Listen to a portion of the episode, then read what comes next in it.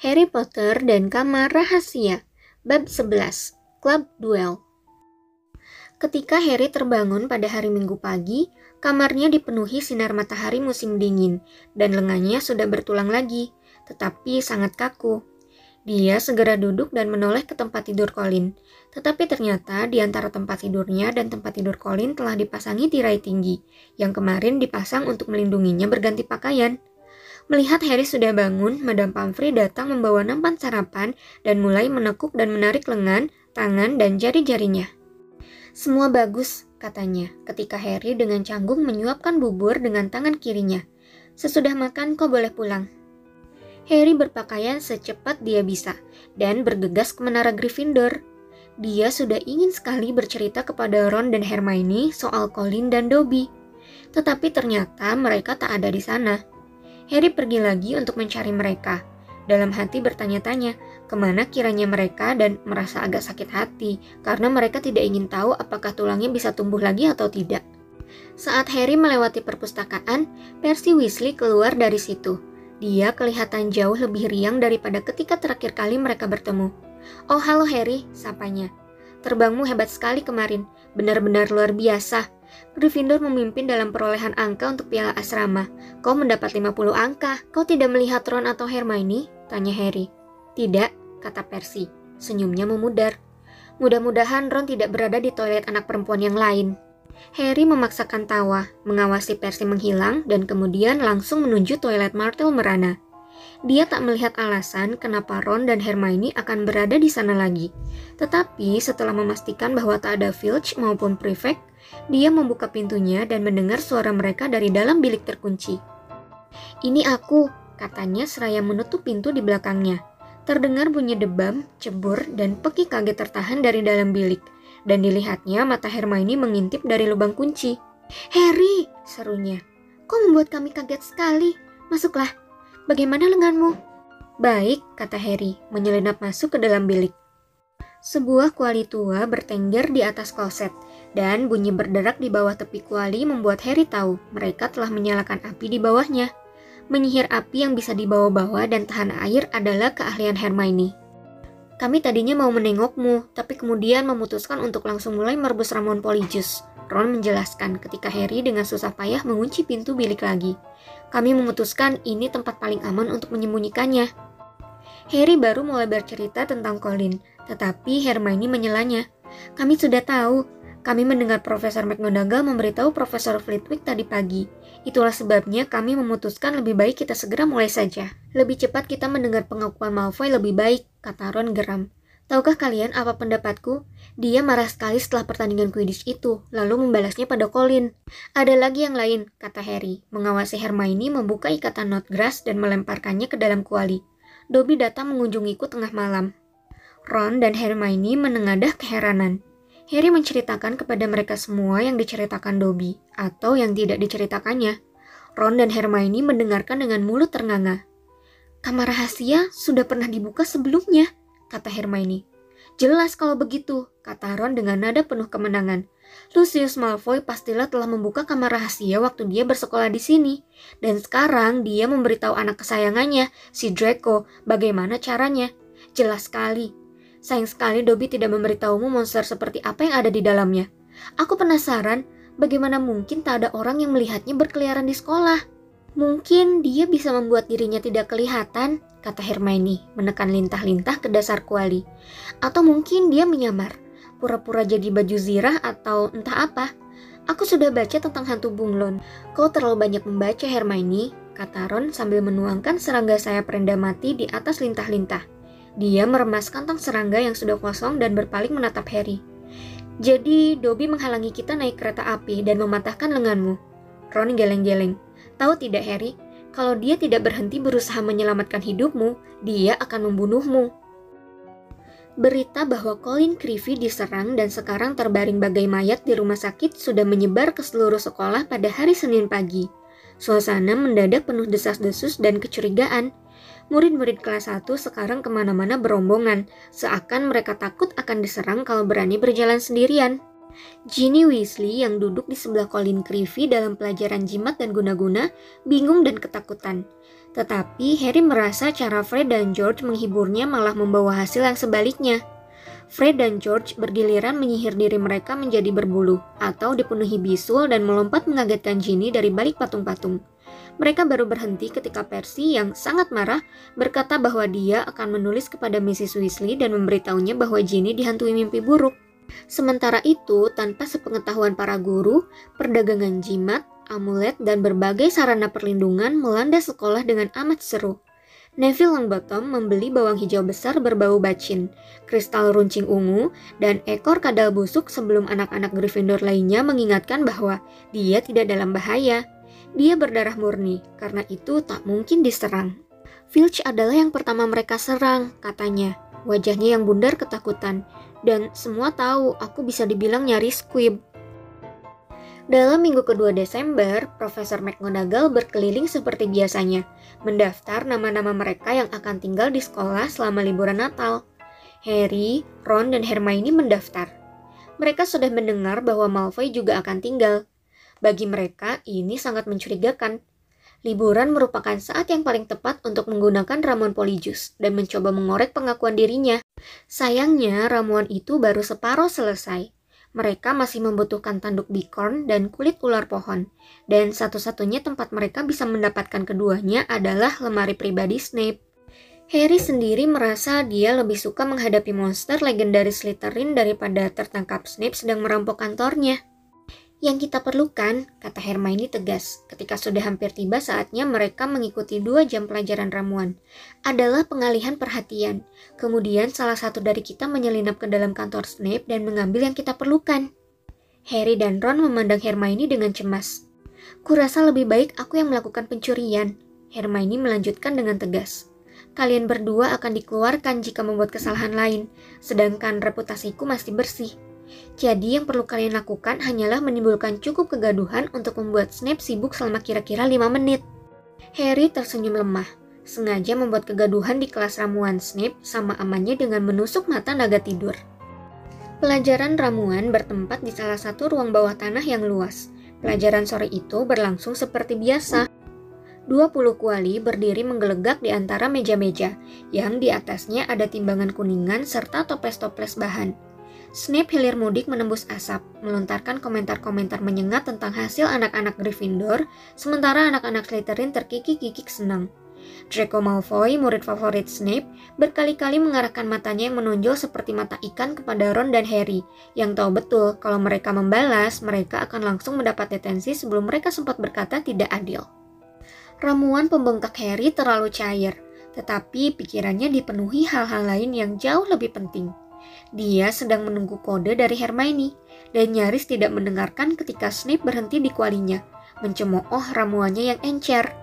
Ketika Snape sudah berbalik dan pergi untuk mengomeli Neville, Hermione memandang Harry dan mengangguk. Harry dengan gesit membungkuk di balik kualinya, menarik keluar sebuah kembang api filibuster milik Fred dari kantongnya dan mengetuknya sekali dan cepat dengan tongkatnya. Kembang api itu mulai mendesis. Tahu dia hanya punya waktu beberapa detik, Harry menegakkan diri, membidik, dan melemparkannya ke udara. Kembang api itu mendarat tepat di dalam kuali Goyle. Ramuan Goyle meledak, mengguyur seluruh kelas. Anak-anak menjerit ketika percikan ramuan pembengkak menciprati mereka. Malfoy bahkan tersiram wajahnya dan hidungnya langsung membengkak sebesar balon. Goyle terhuyung-huyung, tangannya menutupi matanya yang sudah membesar seukuran piring. Sementara Snape berusaha menenangkan mereka dan mencari tahu apa yang terjadi. Di tengah kegemparan itu, Harry melihat Hermione diam-diam menyelinap keluar dari pintu. Diam! Diam! Raung Snape. Siapa saja yang kecipratan ke sini untuk mendapatkan ramuan pengempis? Kalau aku tahu siapa yang melakukan ini. Harry berusaha tidak tertawa ketika dilihatnya Malfoy bergegas maju. Kepalanya tergantung rendah keberatan hidungnya yang menjadi sebesar melon.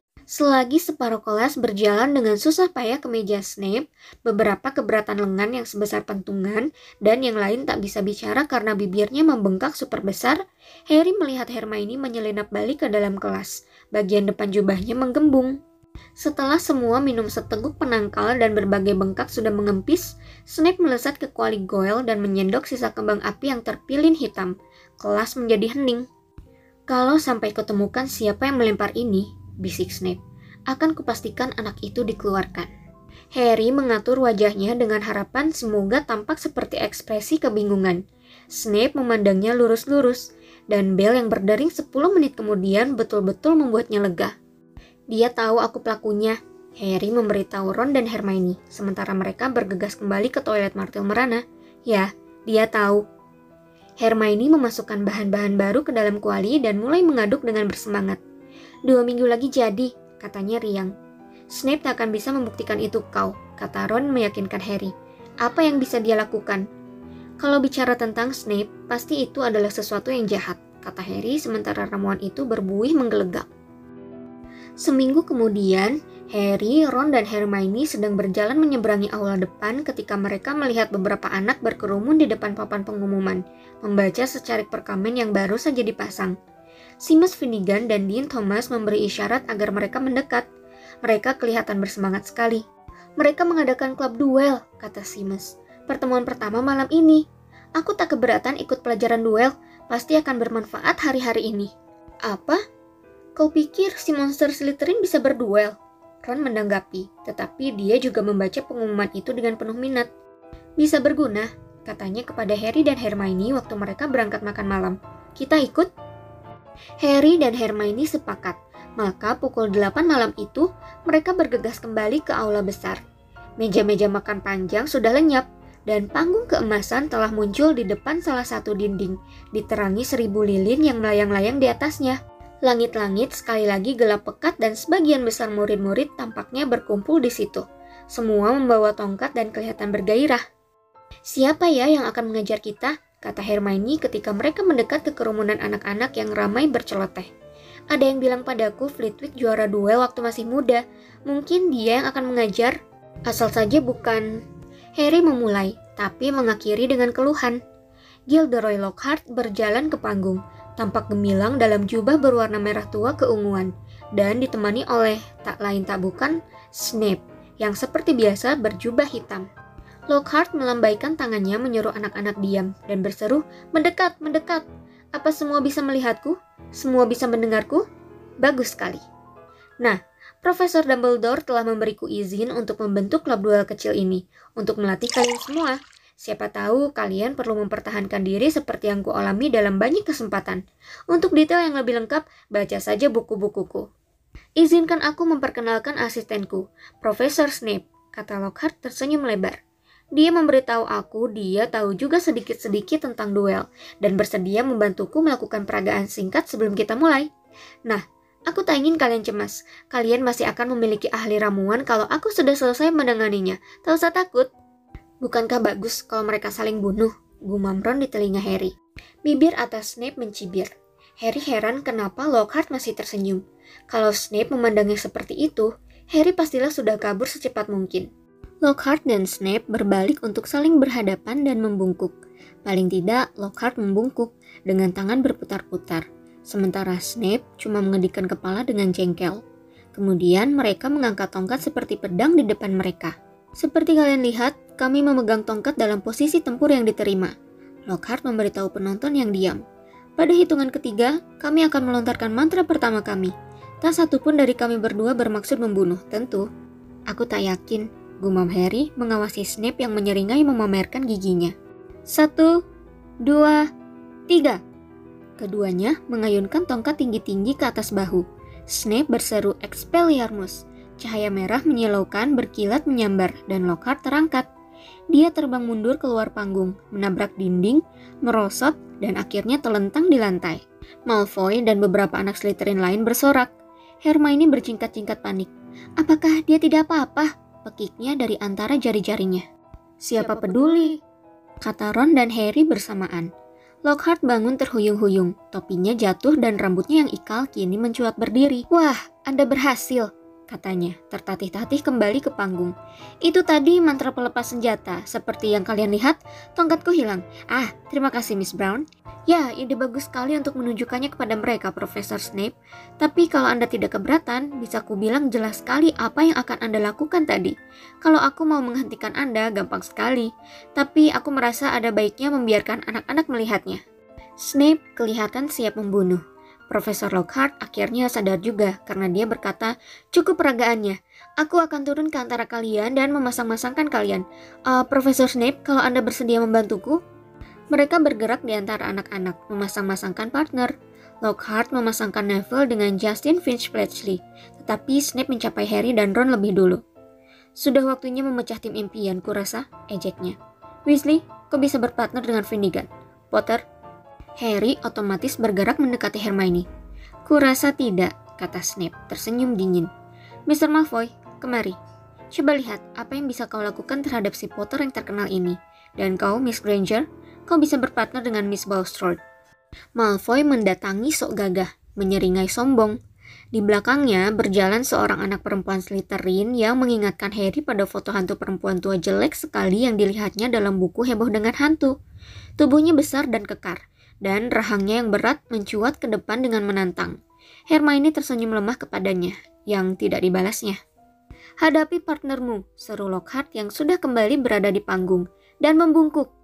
Harry dan Malfoy nyaris tidak menggerakkan kepala, saling tidak melepas pandang. Tongkat siap? teriak Lockhart. Pada hitunganku yang ketiga, ucapkan mantra untuk melucuti lawanmu, hanya untuk melucuti mereka. Kita tidak menginginkan terjadinya malapetaka. Satu, dua, tiga. Harry mengangkat tongkatnya ke atas bahu, tetapi Malfoy sudah bertindak pada hitungan kedua. Mantranya menghantam Harry begitu keras sampai Harry merasa seakan kepalanya dipukul wajan.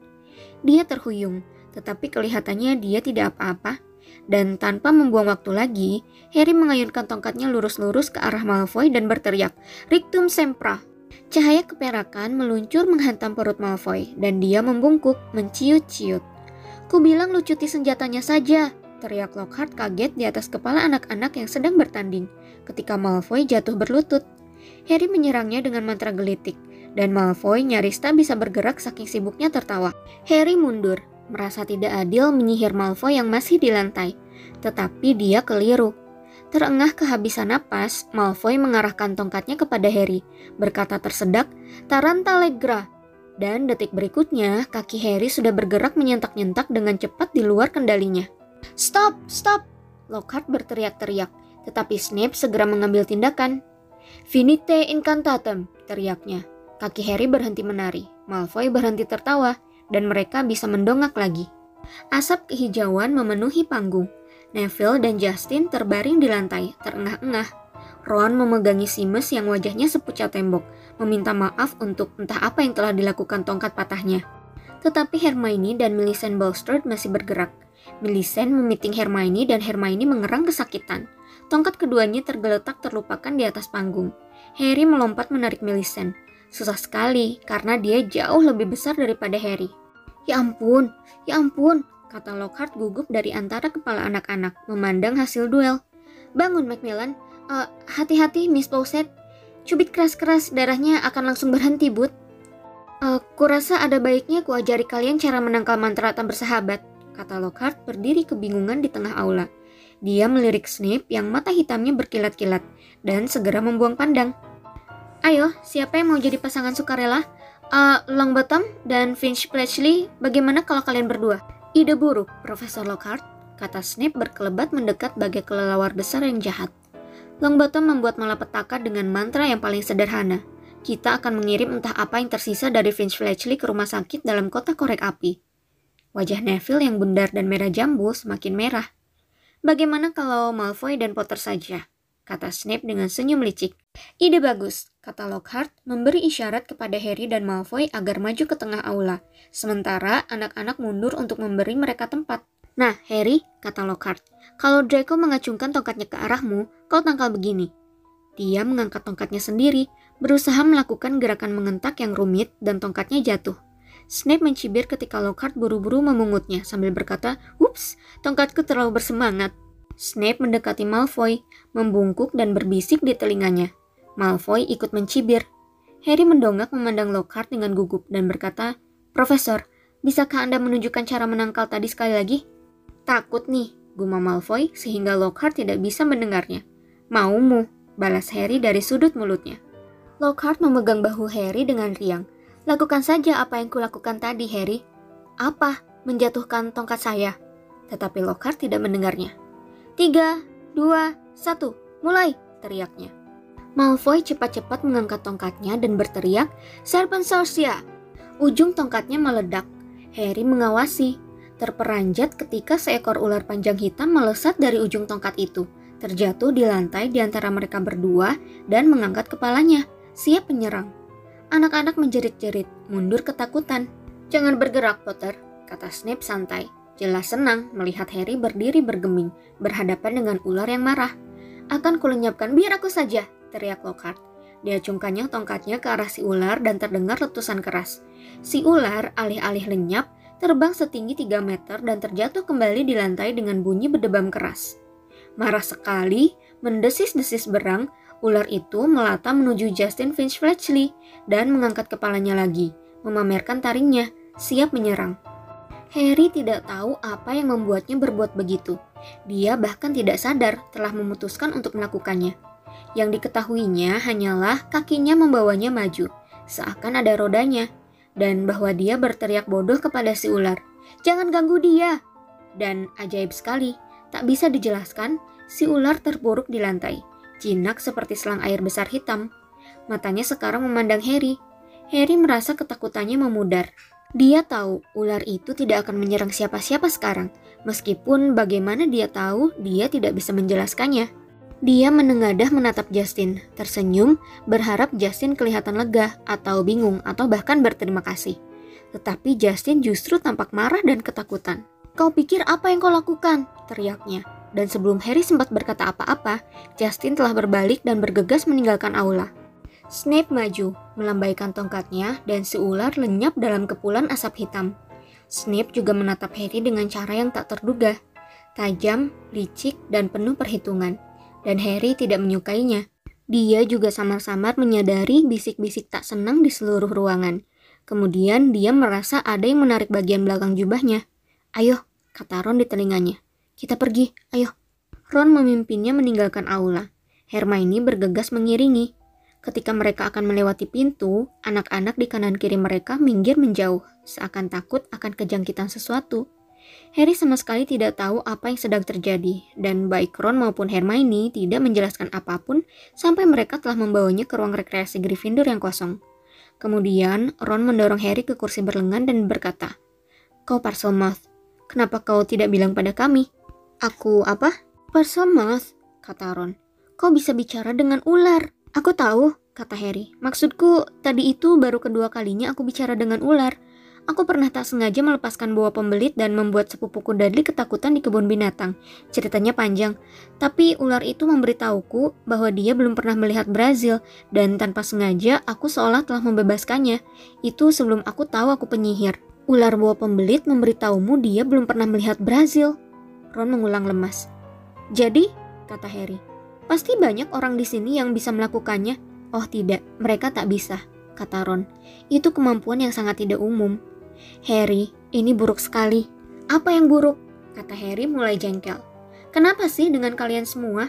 Dengar, kalau aku tidak melarang ular itu menyerang Justin, oh itu yang kau katakan padanya. Apa maksudmu? Kau ada di sana, Kau mendengarku, aku mendengarmu bicara parcel tang, kata Ron. Bahasa ular. Kau bisa saja ngomong entah apa. Tak heran Justin panik, kedengarannya kau menyemangati si ular untuk melakukan sesuatu. Mengerikan tahu. Harry melongo. Aku bicara bahasa lain? Tapi aku tidak menyadarinya. Bagaimana mungkin aku bisa bicara bahasa lain tanpa diriku sendiri tahu? Ron menggeleng. Baik dia maupun Hermione kelihatan seolah baru saja kematian teman. Harry tak mengerti apa yang begitu menyedihkan mereka. Kalian mau memberitahuku apa salahnya menghentikan ular besar mencaplok kepala Justin, katanya. Apakah penting bagaimana aku melakukannya? Asal hasilnya Justin tidak usah bergabung dengan perburuan tanpa kepala. Itu penting, kata Hermione akhirnya bicara dengan suara tertekan. Karena Salazar Slytherin terkenal justru karena kemampuannya bicara dengan ular. Itulah sebabnya simbol asrama Slytherin adalah ular. Harry ternganga. Persis, kata Ron. Dan sekarang seluruh sekolah akan mengira kau cucu-cucu cucu-cucunya atau entah keturunan keberapa. Tapi aku bukan keturunannya, kata Harry dengan kepanikan yang tak dapat dijelaskannya. Susah dibuktikan, kata Hermione. Dia hidup kira-kira seribu tahun yang lalu. Bisa saja kau memang keturunannya. Harry terbaring tak bisa tidur selama berjam-jam malam itu. Lewat celah kelambu yang mengelilingi tempat tidur besarnya, dia memandang salju yang mulai melayang turun melewati jendela menara dan bertanya-tanya dalam hati. Mungkinkah dia keturunan Salazar Slytherin? Dia toh tak tahu menahu tentang keluarga ayahnya. Keluarga Dursley selalu melarangnya mengajukan pertanyaan-pertanyaan tentang keluarga penyihirnya. Diam-diam, Harry mencoba mengatakan sesuatu dalam Parseltongue. Kata-katanya tak mau keluar. Rupanya dia harus berhadapan langsung dengan ular untuk bisa melakukannya. Tetapi aku di Gryffindor, pikir Harry. Topi seleksi tidak akan menempatkanku di sana kalau aku punya darah Slytherin. Ah, kata suara kecil tidak menyenangkan di dalam otaknya. Tetapi topi seleksi kan sebetulnya ingin menempatkanmu di Slytherin. Apa kau tidak ingat? Harry berbalik. Dia akan bertemu Justin besok di kelas herbologi, dan dia akan menjelaskan bahwa dia justru menyuruh ular itu pergi, bukan mendekat. Dan dia berpikir dengan marah sambil menggembungkan bantalnya, semua orang bodoh seharusnya juga tahu. Tetapi paginya, salju yang mulai turun di malam hari telah berubah menjadi badai salju. Begitu hebatnya sehingga pelajaran herbologi terakhir tahun ajaran itu dibatalkan. Profesor Sprout ingin memakaikan kaos kaki dan shawl ke mandrake-mandrake, tugas rumit yang tak bisa dipercayakannya kepada orang lain. Apalagi sekarang, ketika penting sekali bagi mandrake-mandrake itu untuk segera tumbuh dan menghidupkan kembali Mrs. Norris dan Colin Creevy. Harry resah. Ia berceloteh terus tentang Justin di sebelah perapian di ruang rekreasi Gryffindor, sementara Ron dan Hermione menggunakan jam kosong mereka untuk main catur sihir. Astaga Harry, kata Hermione putus asa ketika salah satu menteri Ron bergulat menjatuhkan perwiranya dari kudanya dan menyeretnya keluar papan. Pergilah, cari Justin kalau itu begitu penting bagimu. Maka Harry bangkit dan keluar lewat lubang lukisan, bertanya-tanya dalam hati di mana kiranya Justin. Kasti lebih gelap daripada biasanya di siang hari, karena salju tebal abu-abu yang berpusar di semua jendela. Bergidik, Harry berjalan melewati ruang-ruang kelas tempat pelajaran sedang berlangsung, menangkap sedikit-sedikit apa yang sedang terjadi di dalam. Profesor McGonagall sedang berteriak kepada seseorang yang kedengarannya telah mengubah temannya menjadi luak. Melawan keinginan untuk melongok, Harry terus berjalan, berpikir bahwa Justin mungkin menggunakan jam kosong ini untuk mengerjakan PR dan memutuskan untuk mengecek perpustakaan lebih dulu. Serombongan anak-anak Hufflepuff yang seharusnya ikut pelajaran herbologi ternyata memang duduk di bagian belakang perpustakaan. Tetapi kelihatannya mereka tidak sedang bekerja. Di antara deretan rak buku yang tinggi, Harry bisa melihat bahwa kepala mereka berdekatan dan mereka kelihatannya sedang terlibat obrolan mengasyikan. Dia tidak bisa melihat apakah Justin berada di antara mereka. Dia sedang berjalan ke arah mereka ketika sesuatu yang mereka katakan tertangkap telinganya, dan dia berhenti untuk mendengarkan, tersembunyi di seksi gaib, buku-buku yang membahas tentang segala sesuatu yang tak kelihatan. Jadi, kata seorang anak laki-laki gemuk, kusuruh Justin sembunyi di asrama kita. Maksudku, kalau Potter sudah mengincarnya sebagai korban berikutnya, lebih baik dia tidak menonjolkan diri dulu. Tentu saja, Justin sudah menduga hal semacam ini akan terjadi sejak dia kelepasan omong pada si Potter bahwa dia kelahiran Muggle. Justin bilang padanya dia sudah didaftarkan ke Eton. Itu bukan hal yang kau gembor-gemborkan dengan adanya pewaris Slytherin yang berkeliaran, kan? Kalau begitu, kau yakin betul Potterlah pelakunya, Ernie? Kata seorang anak perempuan berkepang pirang dengan cemas. Hena, kata si gemuk sungguh-sungguh. Dia Parselmouth. Semua tahu itu tanda penyihir hitam. Pernahkah kau dengar ada penyihir terhormat yang bisa bicara dengan ular? Slytherin sendiri dijuluki si lidah ular. Terdengar gumam-gumam seru, dan Ernie meneruskan. Ingat apa yang tertulis di dinding. Musuh sang pewaris, waspadalah. Potter kan boleh dibilang bentrok dengan Filch. Yang berikutnya kita tahu kucing si Filch diserang. Anak kelas satu itu, si Creevy, membuat Potter jengkel waktu pertandingan Quidditch, memotretnya ketika dia tergeletak di lumpur. Yang kemudian kita tahu, Creevy diserang. Tapi dia selalu kelihatan menyenangkan, kata Hannah tak yakin. Dan ya, dialah yang membuat kau tahu siapa menghilang. Masa sih dia jahat? Ernie merendahkan suaranya dengan penuh rahasia. Anak-anak Hufflepuff membungkuk semakin dekat supaya bisa menangkap kata-kata Ernie. Tak seorang pun tahu bagaimana dia bisa selamat dari serangan kau tahu siapa. Maksudku, dia masih bayi waktu itu terjadi. Mestinya kan dia sudah hancur berkeping-keping. Hanya penyihir hitam berkekuatan luar biasa yang bisa bertahan dari serangan semacam itu. Dia semakin merendahkan suaranya, sehingga tinggal tak lebih dari bisikan. Mungkin itulah sebabnya kau tahu siapa ingin membunuhnya.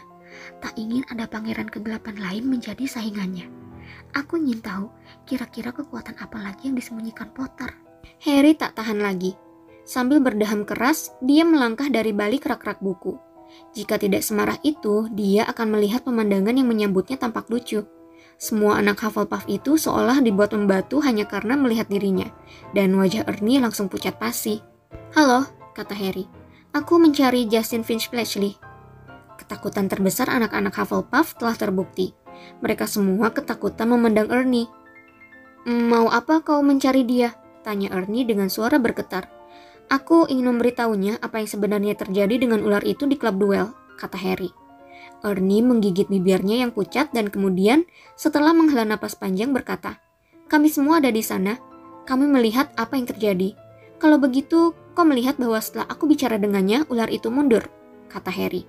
Yang kulihat hanyalah, kata Ernie bandel, meskipun dia bicara sambil gemetaran. Kau bicara Parseltang dan menggebah si ular ke arah Justin. Aku tidak menggebah ular itu ke arahnya, kata Harry. Suaranya gemetar saking marahnya.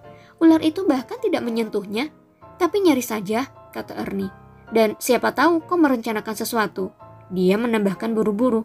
Kuberitahukan padamu bahwa kau bisa menelusuri keluargaku sampai sembilan generasi penyihir ke belakang, dan darahku sama murninya dengan siapa pun. Jadi, aku tak peduli darahmu darah macam apa, kata Harry sengit. Kenapa aku mau menyerang anak-anak lahiran Muggle? Aku sudah dengar kau membenci Muggle yang tinggal bersamamu, kata Ernie tangkas.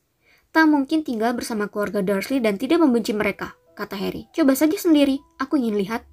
Harry berbalik dan menerobos keluar dari perpustakaan, membuat Madame Pinch yang sedang menggosok sampul keemasan buku mantra besar meliriknya mencela. Harry berjalan asal saja di koridor, seperti orang buta, nyaris tidak memperhatikan ke mana dia pergi. Saking marahnya. Akibatnya, dia menabrak sesuatu yang sangat besar dan kokoh, yang membuatnya terpental jatuh ke lantai. Oh, halo Hagrid, kata Harry memandang ke atas. Wajah Hagrid tersembunyi sepenuhnya oleh topi balaklava wall bersalju, tetapi tak mungkin itu orang lain. Tubuhnya yang terbungkus dalam jubah tikus mondoknya memenuhi hampir seluruh koridor. Tangannya yang besar bersarung tangan menenteng bangkai seekor ayam jantan. Kau tak apa-apa, Harry? katanya, menarik ke atas balaklavanya supaya dia bisa bicara. Kenapa kau tidak di kelas? Dibatalkan, kata Harry seraya bangkit. Ngapain kau di sini? Hagrid mengangkat ayam jantan yang sudah lemas itu. Ayam kedua yang dibunuh semester ini, dia menjelaskan. Kalau bukan rubah, tentu momok pengisap darah, dan aku perlu izin kepala sekolah untuk bikin pagar sihir sekeliling kandang ayam. Dia memandang Harry lebih teliti dari bawah alis tebalnya yang bertabur salju. Kau yakin kau tak apa-apa? Kau kelihatan panas dan banyak pikiran. Harry tak bisa mengulangi apa yang dikatakan Ernie dan anak-anak Hufflepuff lainnya tentang dia. Tidak apa-apa, katanya. Lebih baik aku pergi, Hagrid. Berikutnya transfigurasi dan aku harus mengambil buku-bukuku. Harry pergi. Pikirannya masih dipenuhi ucapan-ucapan Ernie tentang dirinya. Justin sudah menduga hal semacam ini akan terjadi sejak dia kelepasan omong pada si Potter bahwa dia kelahiran Muggle. Harry menaiki tangga dan membelok ke koridor lain yang gelap sekali. Obor-obornya padam kena tiupan angin keras bersalju yang masuk lewat ambang jendela yang lepas. Dia sudah sampai di tengah koridor ketika terantuk sesuatu yang tergeletak di lantai. Ia langsung jatuh. Harry menoleh untuk melihat apa yang membuatnya jatuh, dan hatinya mencelos. Justin Finch Fletchley terbaring di lantai, kaku dan dingin, ekspresi kaget terpampang di wajahnya. Matanya menatap kosong ke langit-langit. Di sebelahnya ada sosok lain, pemandangan paling ganjil yang pernah dilihat Harry. Nick si kepala nyaris putus tak lagi seputih mutiara dan transparan, melainkan hitam berasap, melayang tak bergerak dalam posisi horizontal 15 cm dari lantai. Kepalanya setengah putus, dan ekspresi wajahnya kaget, identik dengan ekspresi Justin. Harry bangun, napasnya terengah, putus-putus, jantungnya serasa menggedor-gedor rusuknya. Dia memandang liar ke sepanjang koridor dan melihat deretan laba-laba berlari secepat mungkin menjauhi kedua sosok itu. Suara yang terdengar hanyalah suara teredam guru-guru dari kelas-kelas di kanan kirinya. Dia bisa lari dan tak seorang pun akan tahu dia pernah di situ. Tetapi dia tak dapat begitu saja meninggalkan mereka tergeletak di situ. Dia harus mencari bantuan. Akankah ada yang percaya dia sama sekali tidak ada hubungannya dengan kejadian ini? Sementara dia berdiri di situ, panik, pintu di sebelah kanannya mendadak terbuka. Pips, si hantu jahil melesat keluar.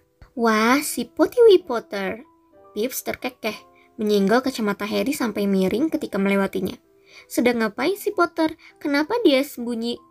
Pips mendadak berhenti. Dia baru setengah jalan berjungkir balik di udara. Dengan kepala di bawah, dia melihat Justin dan Nick si kepala nyaris putus. Dia langsung berputar tegak lagi, mengisi paru-parunya dan sebelum Harry sempat mencegahnya, menjerit keras-keras. Serangan! Serangan! Serangan lagi! Orang maupun hantu tak ada yang selamat. Lari, lari, selamatkan diri. Serangan! Blak, blak, blak, pintu demi pintu membuka di sepanjang koridor dan orang membanjir keluar. Selama beberapa menit, keadaan sangat gempar dan kacau balau sehingga ada kemungkinan Justin terinjak-injak dan anak-anak berdiri di dalam tubuh Nixie kepala nyaris putus. Harry tergencet ke dinding ketika guru-guru berteriak menyuruh diam. Profesor McGonagall datang berlari-lari, diikuti murid-murid yang sedang mengikuti pelajarannya. Salah satunya masih berambut garis-garis hitam dan putih. Profesor McGonagall menggunakan tongkatnya untuk membuat ledakan keras yang membuat anak-anak langsung diam dan menyuruh semua kembali ke kelas masing-masing. Begitu koridor kosong lagi, Ernie si Hufflepuff tiba, tersengal-sengal di tempat kejadian. Tertangkap basah! Ernie menjerit, mukanya seputih tembok, mengacungkan telunjuknya secara dramatis kepada Harry. Cukup, Macmillan, kata Profesor McGonagall tajam. Pips melambung-lambung di atas, sekarang menyeringai jahil mengawasi pemandangan di bawah. Pips menyukai kekacauan. Ketika para guru membungkuk memeriksa Justin dan Nick kepala nyaris putus, Pips mendadak bernyanyi. Oh Harry, kau keji. Oh apa maumu? Kau bunuh murid-murid. Kau pikir itu lucu. Cukup Pips, bentak Profesor McGonagall. Dan Pips meluncur mundur, seraya menjulurkan lidah kepada Harry. Justin digotong ke rumah sakit oleh Profesor Flitwick dan Profesor Sinistra dari jurusan astronomi, tetapi kelihatannya tak ada yang tahu apa yang harus dilakukan terhadap Nick si kepala nyaris putus. Akhirnya, Profesor McGonagall menyihir kipas besar yang diberikannya kepada Ernie dengan instruksi supaya mengipasi Nick si kepala nyaris putus sampai terangkat ke atas tangga. Ernie pun mengipasi Nick yang melayang seperti helikopter hitam. Tinggal Harry dan Profesor McGonagall sendirian. Ikut aku, Potter, katanya. Profesor, kata Harry segera. Saya bersumpah, saya tidak. Ini di luar kemampuanku, Potter, kata Profesor McGonagall kaku. Mereka berjalan dalam diam, membelok di sudut, dan Profesor McGonagall berhenti di depan gargoyle, patung batu besar yang jelek sekali. Permen jeruk, katanya. Jelas ini kata sandinya, karena patung makhluk jelek itu mendadak hidup, melompat minggir, dan dinding di belakangnya terbelah. Bahkan dalam keadaan ketakutan pada apa yang akan terjadi, Harry masih tetap bisa kagum sekali. Di belakang dinding itu ada tangga spiral yang bergerak pelan ke atas seperti eskalator. Saat dia dan Profesor McGonagall melangkah menaiki anak tangganya, Harry mendengar benturan dinding yang menutup di belakang mereka. Mereka meluncur ke atas melingkar-lingkar, makin lama makin tinggi, sampai akhirnya agak pusing, Harry bisa melihat pintu kayu ek berkilat di depan, dengan pengetuk pintu berbentuk griffon, makhluk menakjubkan berkepala dan bersayap elang tapi bertubuh singa. Harry tahu ke mana dia dibawa. Ini pastilah kantor sekaligus tempat tinggal Dumbledore.